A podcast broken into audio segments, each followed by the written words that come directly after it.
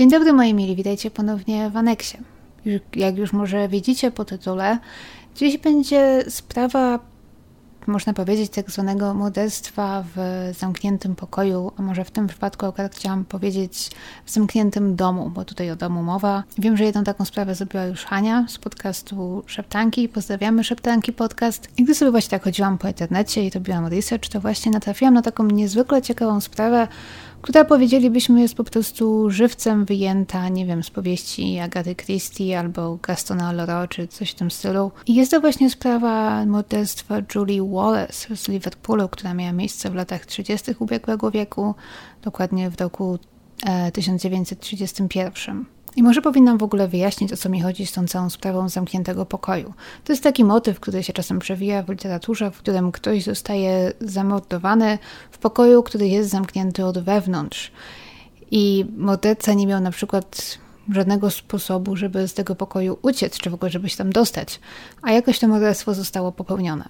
Kilka takich bardziej znanych przykładów z literatury to na przykład zagadka żółtego pokoju, albo morderstwo na rumork e, Edgara Allana Poe, ale okazuje się, że takie rzeczy również wydarzają się, wydarzyły się w prawdziwym życiu i jest kilka takich dosyć znanych, głośnych przypadków i właśnie morderstwo Julie Wallace zalicza się do jednego z nich. Ale gdy tak się zagłębimy w tę sprawę, to może zauważycie, że to jednak nie sam fakt zamkniętego pokoju, czy zamkniętego w domu w tym przypadku, bo tutaj chodzi o dom, nie jest jednak chyba najdziwniejszą rzeczą tutaj, ponieważ tutaj mamy wiele zagadek, wiele tajemnic.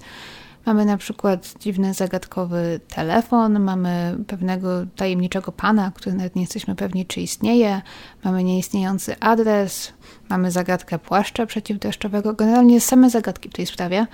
Także zapraszam, jak um, dalej się zagłębimy w tą sprawę, to pewnie zobaczycie o co mi chodzi. Także weźcie sobie, picie, ja mam dzisiaj kawę i zapraszam. Państwo Wallace pobrali się w marcu 1914 roku. Poznali się kilka lat wcześniej. William miał wtedy 36 lat. Według niektórych źródeł Julia była mniej więcej w jego wieku, ale jej akt urodzenia, odnaleziony w roku 2001, wskazuje na to, że Julia była znacznie starsza od swojego męża i w momencie ślubu miała 53 lata. Para zamieszkała w domu w Liverpoolu, dzielnicy Anfield na ulicy Wolverton pod numerem 29 dokładnie. W jednym z tych typowych, charakterystycznych domów szeregowych. Była to wtedy okolica podobno bardzo dobra, o dobrej opinii, uznawana za bezpieczną. Zostali opisani jako zwyczajna, spokojna para, raczej staroświecka i konserwatywna. Pani Wallace nosiła ubrania wtedy uznawane już za wręcz niemodne. Lubiła długie spódnice, kapelusze z szerokim rondem. I nie mieli opinii jakoś szczególnie towarzyskich czy rozrywkowych ludzi. Byli małżeństwem przez 16 lat i nie mieli nigdy dzieci. William Wallace pracował jako agent ubezpieczeniowy firmy Prudential. Był człowiekiem o wszechstronnych zainteresowaniach. Pasjonowała go chemia, gra w szachy, botanika. Nauczył się nawet grać na skrzypcach, aby akompaniować swojej żonie, która była wspaniałą pianistką. Para organizowała czasem tak zwane wieczory muzyczne w ich domu, kiedy to zapraszali do domu kilku bliskich znajomych i państwo Wallace zabawiali swoich gości muzyką.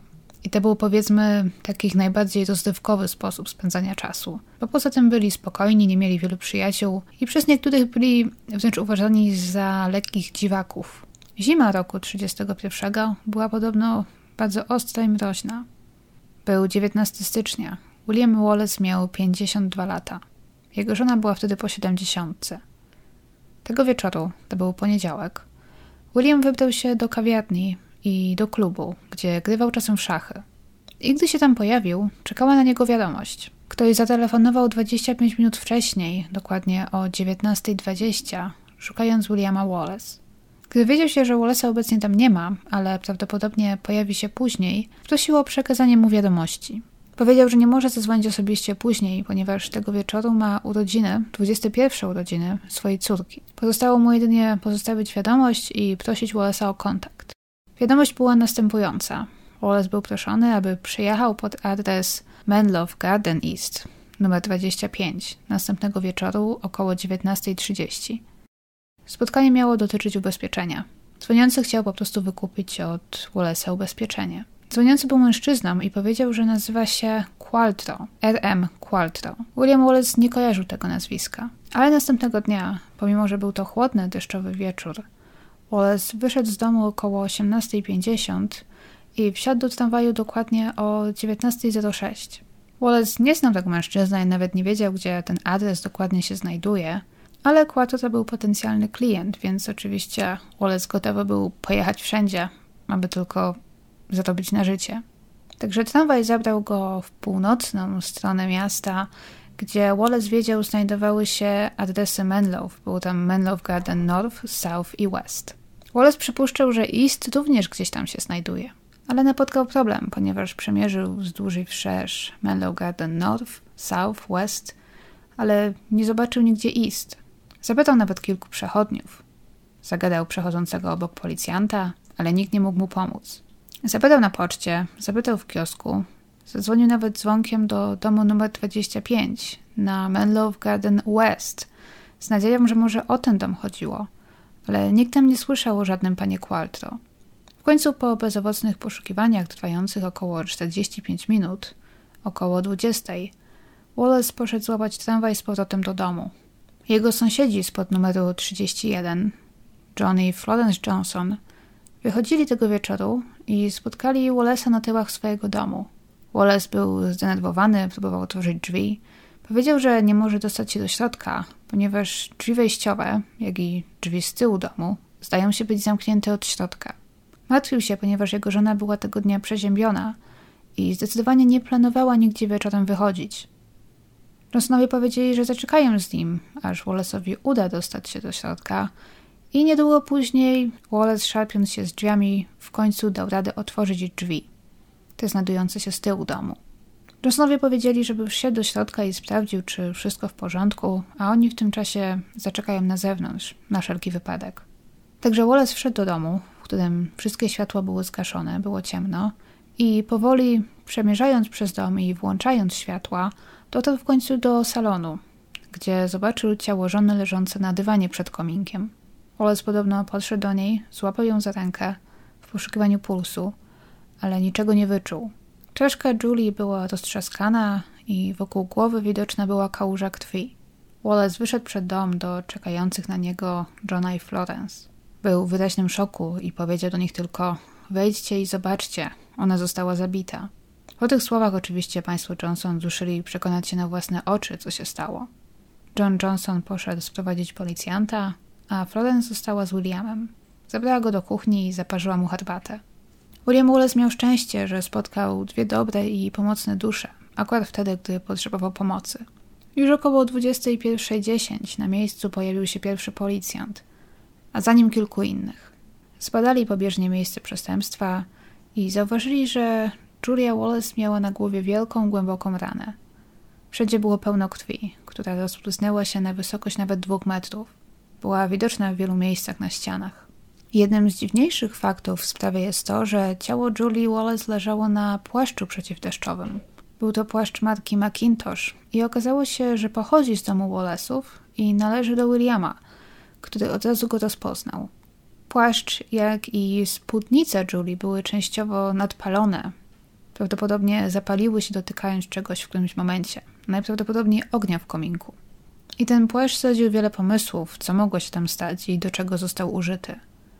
Najpopularniejsza hipoteza jest chyba taka, że morderca założył ten płaszcz, aby uchronić swoje ubrania przed tryskającą krwią. Ponieważ jasne jest, że ktokolwiek zabił panią Wallace, musiał być solidnie pokryty krwią więc po dokonaniu morderstwa mógł po prostu zrzucić ten płaszcz i uciec. Trochę krwi zapewne dostało się gdzieś tam na jego ubranie, twarz czy ręce, ale może nie aż w takiej ilości, aby przykuwał większą uwagę na ulicy. Jest tylko jeden problem. Dlaczego Julia Wallace leżała na płaszczu? To sugeruje, że gdy została uderzona i gdy upadła, to ten płaszcz już znajdował się na ziemi albo znajdował się w jej rękach. Julia leżała na brzuchu, więc jeżeli z jakiegoś powodu trzymała ten płaszcz w rękach, gdy upadała, no to rzeczywiście mógł on znaleźć się pod nią. Gdyby morderca zdjął go z siebie po zabiciu jej, no to raczej rzuciłby go na nią. Są też przypadki, gdy mordercy przykrywają czymś swoją ofiarę, poniekąd z poczucia winy.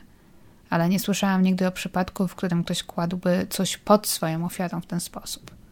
Ale do tego jeszcze wrócimy. Policjant przeszukał też całe mieszkanie w poszukiwaniu narzędzia zbrodni. Nie znalazł go niestety i do dziś nie wiemy, co mogło nim być.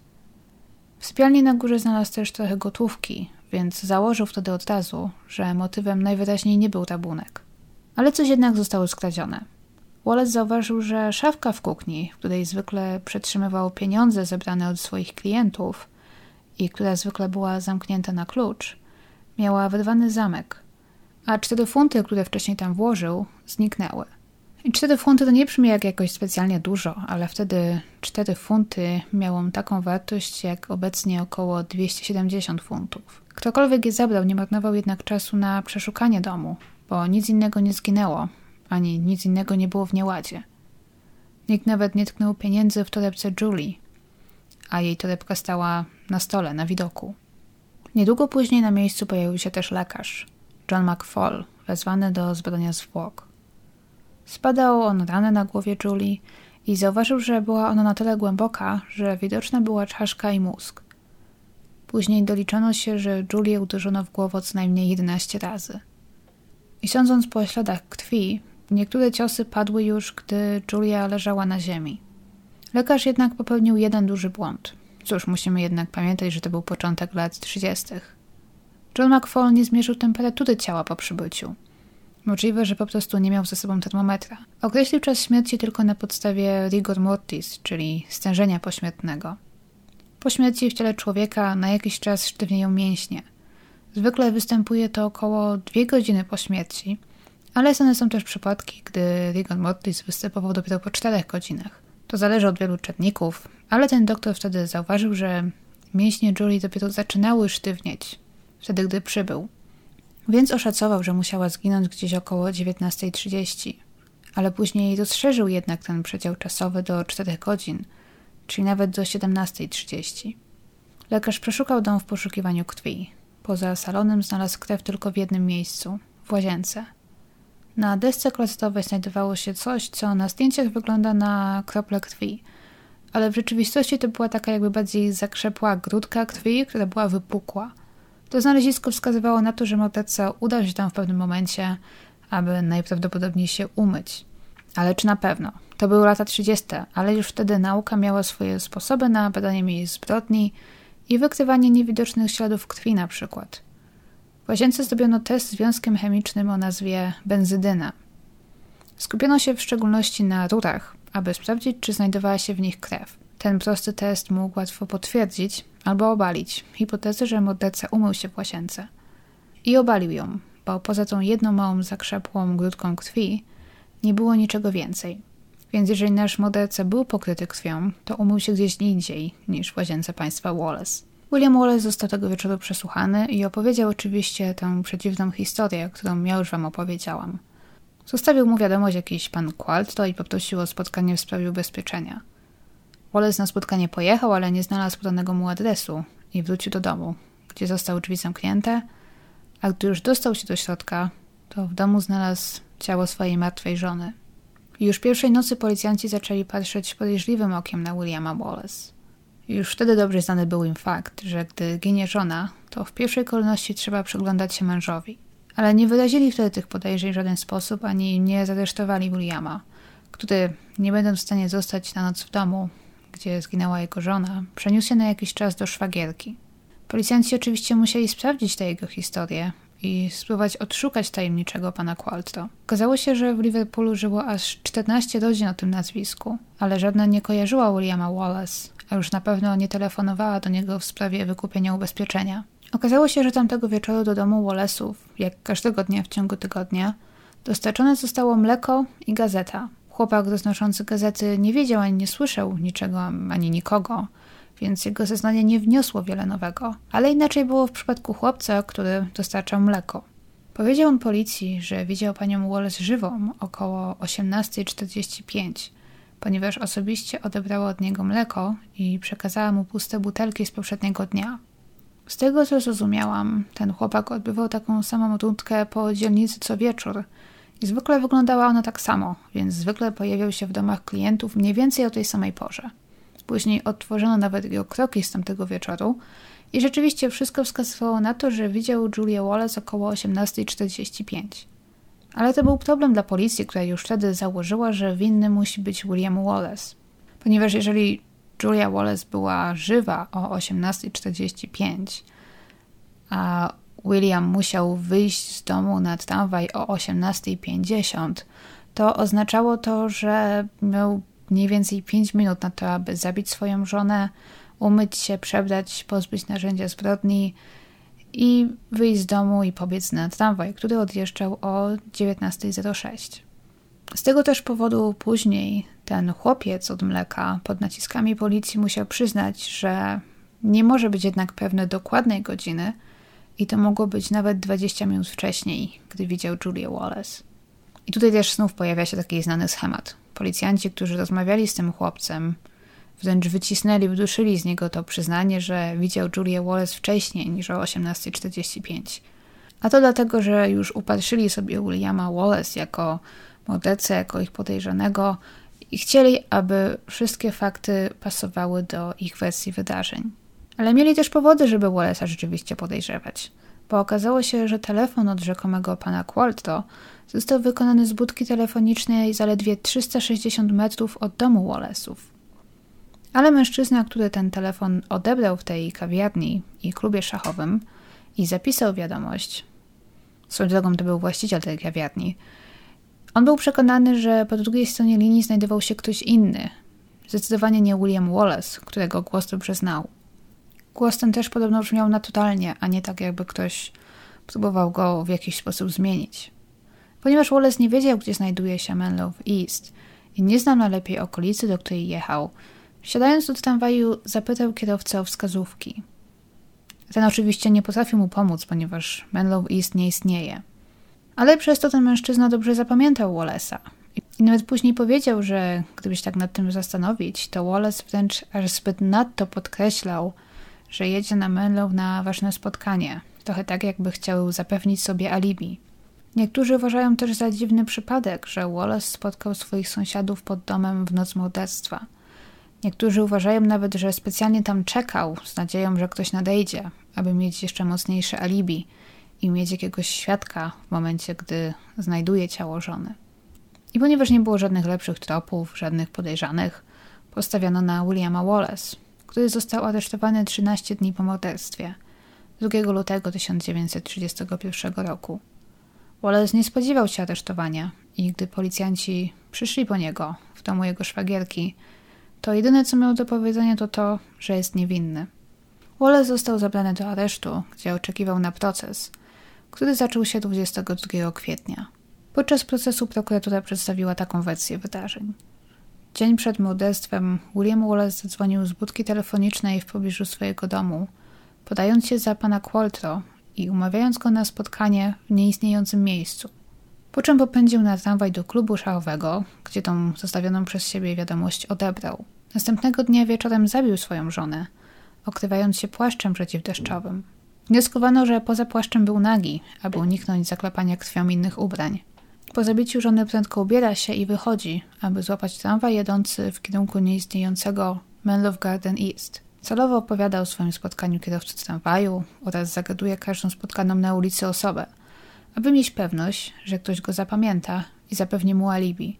Gdy uznaje, że upłynęło wystarczająco dużo czasu, wraca do domu, gdzie czeka chwilę w nadziei, że spotka kogoś, kto zobaczy go próbującego dostać się do środka. Ma szczęście, bo pojawiają się państwo Johnson. Wtedy też drzwi magicznie się otwierają i Wallace znajduje w środku ciało swojej żony i udaje, że jest w szoku. Ława przysięgłych potrzebowała zaledwie jedną godzinę, aby się narazić i podjąć decyzję. 12 maja uznali Williama Herberta Wallace winnego zamordowania Julie Wallace. Wallace otrzymał wyrok śmierci. Podczas ogłoszenia wyroku był spokojny i opanowany. Zapytany, czy chce coś powiedzieć, odparł tylko: Nie mam nic do powiedzenia, jestem niewinny. I może już ktoś zauważył, że w tej wersji wydarzeń stworzonej przez prokuraturę, którą wam tutaj opowiedziałam, brakuje jednej istotnej rzeczy motywu. Po co Wallace miałby zabijać Julię? Czy miał z tego jakąś korzyść? O niczym takim nie wiemy. Julia nie była ubezpieczona na jakąś dużą kwotę, nie było między nimi żadnego konfliktu, o którym wiemy. Wallace nie miał kochanki, do której chciał odejść. Nic. I nie spisujcie życia Williama Wallace jeszcze na straty, bo rzeczywiście niestety zmarł on niedługo później, ale nie z powodu egzekucji. Adwokaci Wallace'a oczywiście złożyli o ponowne rozpatrzenie jego sprawy. I zwykle rzadko się zdarza, że sąd spojrzy przychylnie na takie odwołanie. Jeżeli ława przysięgłych skazała kogoś na karę śmierci, to musiała mieć ku temu powody. Ale tutaj sędzia Gordon Hewitt w sądzie apelacyjnym podjął zaskakującą decyzję. Po zapustaniu się ze sprawą stwierdził, że ława przysięgłych popełniła błąd i Williamowi Wallace nie udowodniono ze stuprocentową pewnością winy. Wciąż istniał cień szansy, że za morderstwem Julie stoi ktoś inny, a Wallace został wrobiony. Wciąż istniała taka możliwość. I tego to nagle William Wallace stał się, jak dotychczas, jedynym człowiekiem, któremu coś takiego udało się w historii współczesnej Wielkiej Brytanii. Jednego dnia uznany winnym i skazany na karę śmierci, a drugiego oczyszczony od wszelkich zarzutów, odchodzi jako wolny człowiek. Ale nie nacieszył się swoją wolnością długo cierpiąc na problemy z nerkami, mocno podupał na zdrowiu. Nie pomógł też jego pobyt w areszcie. Lekarze nalegali, aby zgodził się na operację, która, gdyby się powiodła, znacznie przedłużyłaby jego życie. Ale Wallace się nie zgodził. Powiedział, że po żony nie ma już po co żyć i dla kogo żyć. Zmarł w lutym 1933 roku, zaledwie dwa lata po Julie. I gdy zastanowimy się nad tą sprawą i weźmiemy pod uwagę czas i relacje świadków, to ciężko sobie wyobrazić, że William Wallace ze swoimi problemami zdrowotnymi był w stanie zabić swoją żonę około 18.45, umyć się ze wszelkich możliwych śladów krwi, skutecznie pozbyć narzędzia zbrodni, pozorować włamanie, ubrać się i jak gdyby nigdy nic wyjść na przystanek tramwajowy 5 minut później i złapać tramwaj o 19.06. Nie jest to niewykonalne, ale w wykonaniu Williama Wallace niezbyt możliwe. Ma jednak więcej sensu, jeżeli założymy, że Wallace miał wspólnika. Istotnie wyszedł z domu przed 19, aby złapać tramwaj i zostawił swoją żonę żywą. Pod jego nieobecność jego teoretyczny wspólnik wszedł lub wprosił się jakoś do domu i zabił Julię. Wiemy, że nie było żadnych oznak włamania, więc morderca prawdopodobnie został wpuszczony przez Julię do domu. Znalazłam informację o zeznaniu 21-letniej Lillian Hall, która twierdzi, że wiedziała Williama Wallace około 20.35, rozmawiającego z nieznanym jej mężczyzną na Richmond Road w pobliżu Wolverton Street, gdzie Wallace mieszkał. I nie byłoby w tym nic dziwnego. Wallace wracając do domu mógł na przykład spotkać sąsiada lub znajomego. Ale sęk w tym, że Wallace twierdzi, że nie rozmawiał ani nie spotkał nikogo w drodze do domu. Czy jest możliwe, że Lillian Hall widziała Williama rozmawiającego właśnie z tym tajemniczym wspólnikiem? Czy może pomyliła się i widziała wtedy dwóch innych, zupełnie innych mężczyzn? Trzeba pamiętać, że było po zmroku, a ulice nie były najlepiej oświetlone. A Lilian nie znała dobrze Williama. Kojarzyła go, ponieważ przyjaźniła się z jego sąsiadem. Ale jeżeli tak było i Wallace zlecił komuś zabicie Julie, to po co to całe zamieszanie z telefonem od jakiegoś Qualtro i wysłaniem Wallace'a na poszukiwania nieistniejącej ulicy. Jeżeli Wallace z kimś współpracował, to jego wspólnik mógł wejść do domu i zabić Julię na przykład, gdy jej mąż był w pracy, albo chociażby wieczór wcześniej, gdy Wallace miał murowane alibi, ponieważ był otoczony dobrymi znajomymi w klubie szachowym. Jego alibi wtedy byłoby murowane.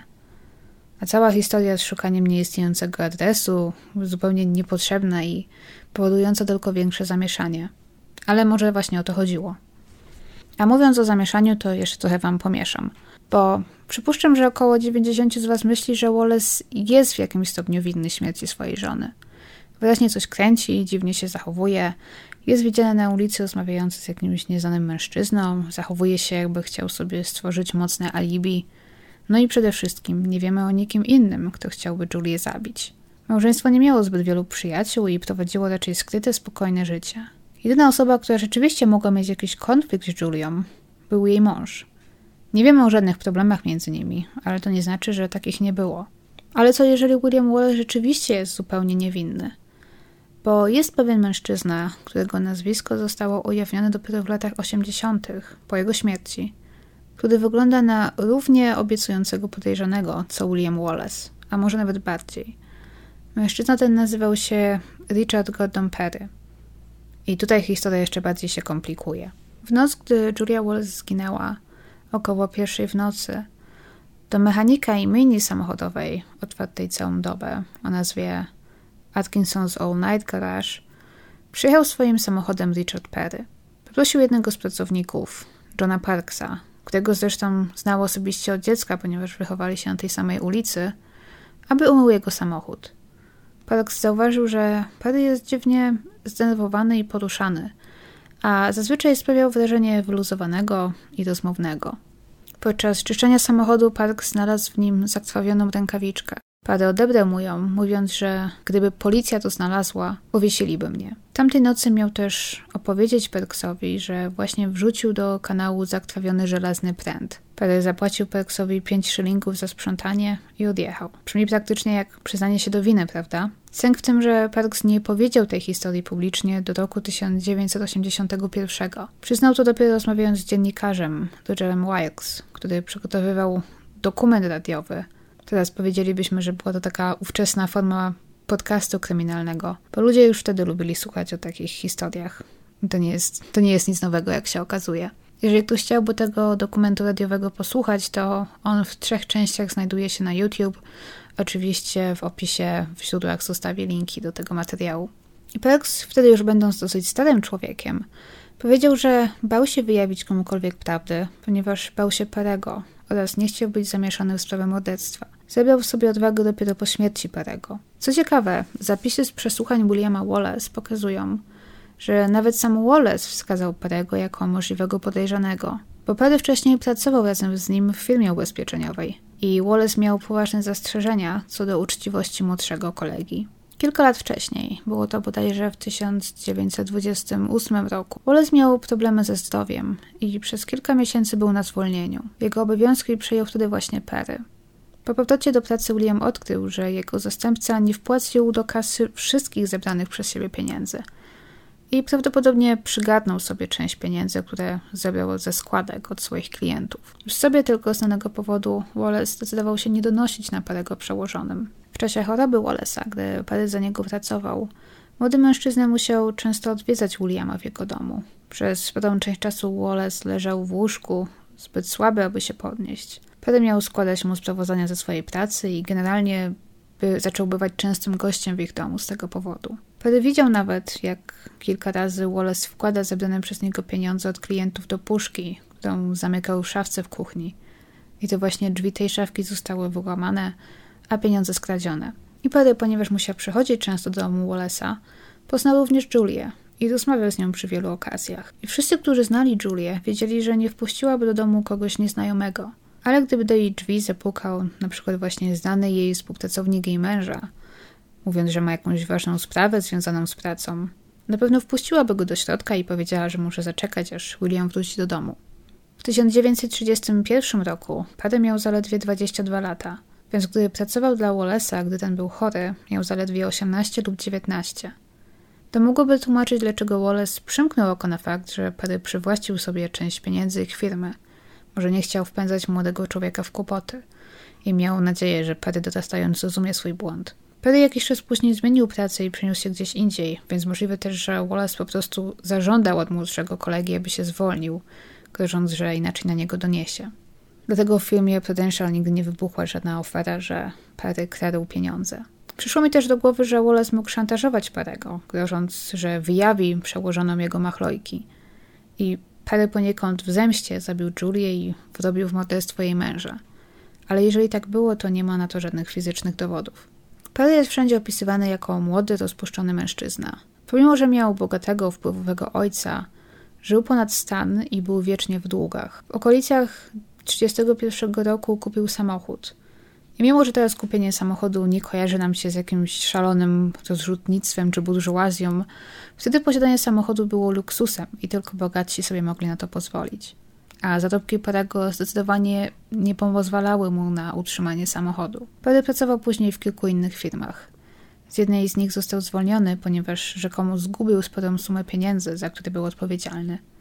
Jego ojciec uregulował dług, aby uniknąć skandalu. Ale Perry dalej wpadał w kłopoty. Został kilkakrotnie aresztowany za kradzieże i mniejsze przestępstwa. Wraz został aresztowany za poważniejsze przewinienie, gdy zaatakował dziewczynę, którą zaprosił na randkę – Nieznane są dokładne szczegóły ataku, ale domyślam się, że chodziło o molestowanie albo próbę gwałtu. Potem, gdy Wallace wspomniał parego policji, ci rzeczywiście udali się z nim porozmawiać, Ale potem, gdy Perry powiedział, że ma alibi na tamtą noc, nie dążyli więcej. Nie sprawdzili też dokładnie jego alibi. Perry twierdził, że był tam tego wieczoru ze swoją ówczesną narzeczoną. I rzeczywiście był. Ale później okazało się, że spotkał się z nią dosyć późno tamtej nocy. Więc wciąż było możliwe, że Perry zabił Julię gdzieś pomiędzy 19 a 20 na przykład. Pozbył się dowodów, przebrał i spotkał z dziewczyną około 22. W szczególności, że Perry miał samochód, co umożliwiło mu szybkie przemieszczanie się. Mógł dzięki temu też uciec niezauważony z miejsca zdarzenia, nawet jeżeli był pokryty krwią. Ale to jeszcze nie koniec. Wiecie, jak to się często mówi. Prawdziwy morderca często znajduje się w pierwszym tomie akt sprawy. Znaczy to, że była ta osoba bliska związana z ofiarą, która była gdzieś w pobliżu i najprawdopodobniej została przesłuchana. Mowa o sąsiadach Wallace'ów, Johnsonach. Tych, którzy zauważyli Williama próbującego dostać się do środka i pomogli mu, gdy znalazł ciało żony. Johnsonowie mieli klucz do domu państwa Wallace. To był wtedy dosyć popularny zwyczaj. Sąsiedzi, którzy się znali i sobie ufali, dawali sobie zapasowe klucze do swoich domów. Na wypadek, gdyby kiedyś wylądowali przed zamkniętymi drzwiami bez klucza.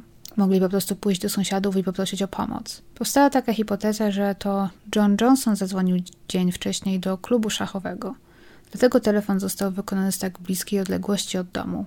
Johnson mógł przypuszczać, że Julia wyjdzie z domu wieczorem razem z Wallace'em, jak czasem miała w zwyczaju. I Johnson po prostu wszedł do ich domu, używając klucza, z zamiarem kradzieży. Sądząc, że dom jest pusty, ale nie wiedział, że Julia była tego dnia przeziębiona i została w domu. Najprawdopodobniej przyłapała Johnsona, gdy ten myszkował po jej domu i Johnson w przypływie paniki zabił ją.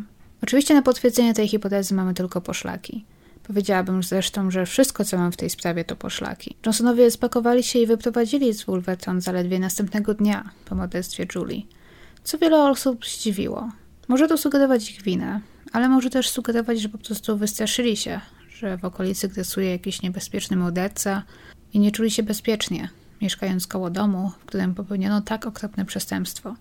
W 2001 roku dwóch dziennikarzy, Tom Sleman i Keith Andrews, wydali artykuł, w którym opisali swoją rozmowę z anonimowym mężczyzną, który poznał Johna Johnsona w latach 60., czyli 30 lat później. Johnson był już wtedy w podeszłym wieku i przebywał w domu starców. Miał opowiedzieć temu mężczyźnie, że to on zabił Julię podczas nieudanej próby kradzieży. Problem jednak w tym, że Johnson cierpiał wtedy na demencję i mógł nie być do końca świadomy tego, co mówi. Ale z tego powodu też Johnsonowie są dani pod uwagę jako możliwi podejrzani. I cóż, ciężko powiedzieć, co w tej historii jest prawdą, a co nie. Mamy tutaj wiele różnych zeznań świadków. Mamy chłopaka, który widzi Julię żywą o 18.45. Mamy dziewczynę, która widzi Wallace'a rozmawiającego z jakimś tajemniczym mężczyzną o 20.35. Mamy pracownika Mini, który znajduje zakrwawioną rękawiczkę w samochodzie Perego i słyszy, jak Perry mówi, że pozbył się tej nocy narzędzia zbrodni. I komu to wierzyć? W co wierzyć? Niestety nigdy nie możemy do końca być pewni. Ok, jeżeli założymy, że William Wallace jest niewinny, to osoba, która zabiła Julię, musiała być do pewnego stopnia jakoś jej znajoma. Musiał to być właśnie sąsiad, ktoś z rodziny, ktoś znajomy, albo ktoś ze współpracowników Williama. Ponieważ wiemy właśnie, że Julia nie wpuściłaby nieznajomej osoby do domu. Jak i również chciałabym wiedzieć, ile osób dokładnie wiedziało, że w tej szafce w kuchni znajdowały się pieniądze. Wiemy, że wiedział o tym William Perry, ale czy wiedzieli o tym na przykład Johnsonowie albo jacyś inni znajomy pary? Ale jakby się zastanowić, nawet nie wiemy na pewno, czy te cztery funty w ogóle tam były, ponieważ osobą, która powiedziała i która twierdzi, że tam były, był William Wallace. Ale czy możemy być pewni, że on mówi prawdę? I cóż, zwykle mam coś na końcu do dodania od siebie, mam jakieś przemyślenia, jakąś swoją ulubioną hipotezę, czy jakiegoś upatrzonego podejrzanego powiedzmy, ale w tym wypadku nie mam chyba nic. To znaczy, nie mogę zdecydować, kto moim zdaniem wydaje mi się tutaj najbardziej podejrzany. Jeżeli miałabym wybierać, to powiedziałabym, że właśnie albo William Wallace, albo Richard Perry. Powiedziałabym, że oni są dla mnie gdzieś tam mniej więcej na pierwszym miejscu, mają remis, jeżeli chodzi o e, liczbę dowodów, które przeciwko nim przemawiają, czy może powinnam powiedzieć poszlak, bo to nie do końca są jakieś porządne, twarde dowody. Także oni gdzieś tam są dla mnie na pierwszym miejscu. Na drugim miejscu za, za nimi byłby John Johnson. Ale mówiąc też to, że wydaje mi się, że William Wells jest dosyć podejrzany, jednocześnie cieszę się, że jednak został uniewinniony i uniknął kary śmierci, ponieważ rzeczywiście wydaje się on podejrzany, ale sąd apelacyjny miał tutaj moim zdaniem rację i ja się zgadzam, że nie udowodniono mu na 100%, że to on zabił Julię, czy że był w jej morderstwo w jakiś sposób zamieszany. On rzeczywiście mógł być niewinny. Istnieje takie pra prawdopodobieństwo. Ale co jeszcze muszę wytknąć, to to, że czytając o tej sprawie zauważyłam, jak mało wiemy o Julie Wallace. To znaczy, czytając właśnie o tym, możemy przeczytać dosyć dużo na temat Williama, na temat jego życia. Podobnie z, jest z Perem, ale o samej Julie nie wiadomo za wiele i ona się jawi jako taka raczej tajemnicza, enigmatyczna postać. I zastanawiam się, czy właśnie fakt, że tak skupiono się wokół tych wszystkich mężczyzn tutaj w tej sprawie, a nie skupiono się tak bardzo na ofierze, również spowodowało, że ta sprawa nie została rozwiązana. Ponieważ mam wrażenie, że nikt tak na poważnie nie rozpatrzył tego, że może Julia miała jakąś tajemnicę. Wiem, że była kobietą po 70, ale to nie znaczy, że nie miała jakichś swoich może tajemnic, sekretów. Kto wie, może kogoś zaprosiła tamtego wieczoru do tego domu, kto ją zabił. Nie wiadomo, kogo wpuściła, nie? I to jest tylko taka moja uwaga, że może jakaś lepsza analiza jej życia i zgłębienie jej życia dałoby nam, nie wiem, jakieś lepsze spojrzenie, czy rzuciło może jakieś nowe światło na tę sprawę. I może widzicie też teraz, co miałam na myśli, mówiąc na początku, że to nie do końca jest sprawa zamkniętego pokoju, czy tam zamkniętego domu, ponieważ tutaj fakt, że ten dom był zamknięty, nie jest samą w sobie jakąś wielką tajemnicą, ponieważ możemy się domyśleć, jak sprawca dostał się do środka. Albo miał klucz, albo został po prostu tam przez Julię wpuszczony, a potem uciekł. Przypuszczam, że uciekł tymi tylnymi drzwiami, które po prostu jakoś się za nim mocno zatrzasnęły, dlatego William Wallace mógł mieć problemy z dostaniem się do środka. I chyba jedyne, co mogę powiedzieć z dosyć mocną dozą pewności, to to, że ktokolwiek jest odpowiedzialny za zamordowanie Julie lub przynajmniej wie, co się z nim stało, jest tajemniczy pan Qualtro, kimkolwiek on nie był. Po prostu mam na myśli to, że osoba, która dzień wcześniej wykonała ten telefon do klubu szachowego, jest również w jakiś sposób odpowiedzialna za jej morderstwo. A jeżeli chodzi o kwestię tego płaszcza, który leżał pod ciałem Julie, to szczerze nie wiem, jak to się odnosi do całej sprawy. Jest możliwe też, że ten płaszcz nie miał jakiegoś większego znaczenia w morderstwie, znaczy nie odegrał tam żadnej większej roli. Niektórzy na przykład wnioskują, że może Julia na przykład w momencie, gdy została zaatakowana, sprzątała, czy gdzieś znalazła ten płaszcz, na przykład rzucony na krześle i chciała go odłożyć do szafy. I w tym momencie została zaatakowana i na przykład upadła z tym płaszczem. Przyszło mi też do głowy, bo z tego co czytałam, tamtego wieczoru była chłodno i też padał deszcz. Może Julia chciała na przykład wyjść na chwilę z domu, bo nie wiem, chciała z kimś porozmawiać na ulicy, albo chciała iść do sąsiadów, może kogoś zobaczyła przez okno, Albo może ktoś zapukał do drzwi i chciała do niego wyjść, nie chciała go wpuszczać do środka, tylko chciała do niego wyjść i porozmawiać z nim na zewnątrz, więc wzięła płaszcz, żeby wyjść na zewnątrz i osłonić się przez deszczem, ale coś potoczyło się nie tak, jak przypuszczała. Też jest jeszcze kwestia tej jednej dziwnej kropli czy grudki krwi w łazience. Dlaczego tylko jedna? I przypuszczam, że sprawca mógł tam po prostu pójść, nawet skorzystać z toalety po morderstwie. Jeżeli poczuł taką potrzebę, bo to się już wcześniej zdarzało, że przestępcy po zabiciu swojej ofiary, po włamaniu się do jej domu, korzystali tam z toalety. Auta jeżdżą znowu, znowu mi hałasują. Jak nie sąsiedzi, to auta. I obawiam się, że ta sprawa może pozostać na zawsze niedozwiązana, natomiast nie wiem, co stało się z wieloma dowodami zebranymi w tej sprawie. Co stało się z tą krwią znalezioną na miejscu, czy zachowano jakieś rzeczy, ubrania Julie z tamtego czasu. Chodzi mi o to, zmierzam do tego, czy jest może szansa, że uda się jej przetestować ponownie pod kątem DNA, ponieważ od lat 30. no nauka poszła trochę do przodu i może udałoby się coś więcej z tego wyciągnąć, może udałoby się niektórych tych podejrzanych przynajmniej wykluczyć, jeżeli nie udałoby się znaleźć sprawcy. Także cóż, jestem ciekawa, co wy macie do powiedzenia na ten temat. Wiem, że zawsze mnie zaskakujecie jakimiś swoimi ciekawymi pomysłami w komentarzach, także jestem bardzo ciekawa, jakie wy macie pomysły, o co mogło chodzić z tym płaszczem, czy Julia mogła kogoś wpuścić do domu, kto mógł ją zabić, kogo uważacie za najbardziej prawdopodobnego podejrzanego i do zobaczenia. Dzięki Wam za słuchanie, dzięki za oglądanie i widzimy się za tydzień, mam nadzieję. Pa!